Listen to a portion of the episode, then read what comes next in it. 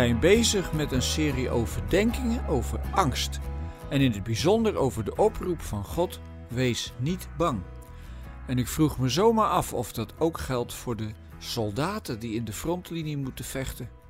Ik vind oorlog iets verschrikkelijks en platvloers. Het is het meest primitieve dat mensen elkaar kunnen aandoen. Ik heb er vroeger wel eens over gedacht om pacifist te worden. Dat is iemand die tegen elke vorm van geweld is, maar zeker tegen oorlog. Toch heb ik die overtuiging niet gekregen, omdat er nu eenmaal mensen zijn die zich heel slecht gedragen. En als ze dan leider van een land zijn, kunnen ze heel veel kapot maken. Ik heb me ook wel eens afgevraagd of pacifisme ten diepste niet een ontkenning is van de zonde.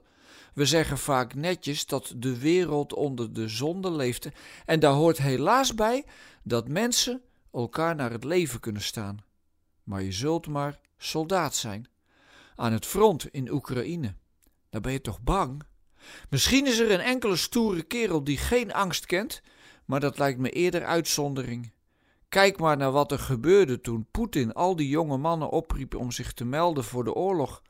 Er waren er heel veel die probeerden te vluchten. Nu is het adventstijd en dat is een tijd waarin we mogen dromen. Niet zomaar wat, maar de droom van God van vrede op aarde.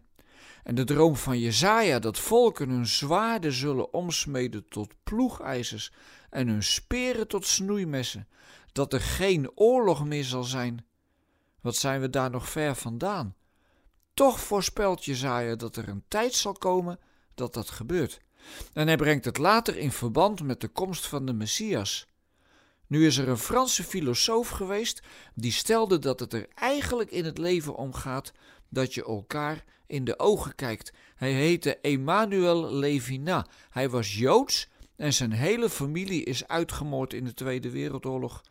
Hij beweerde dat als mensen elkaar in de ogen keken, dat dan hun verantwoordelijkheid wakker zou worden. Zou dat echt zo zijn? Of was hij toch wel wat optimistisch in zijn manier van denken? Als je als Russische knul van twintig met een soldatenpak aan een Oekraïense soldaat in de ogen kijkt en hem even niet ziet als de vijand, kun je dan nog doden? Het doden is de laatste jaren alleen maar onpersoonlijker geworden. Je drukt op een knop en er vliegt een drone met een dodelijke lading naar zijn doel. Dan zou je bijna kunnen vergeten dat het gaat over mensen van vlees en bloed, net als jij en ik. Hoe geweldig zou het zijn als het visioen van Jezaja in vervulling ging.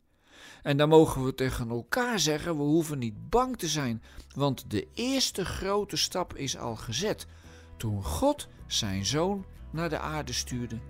Omdat wij geen kanonnenvlees zijn of nummers, maar wezens waar hij heel veel van houdt.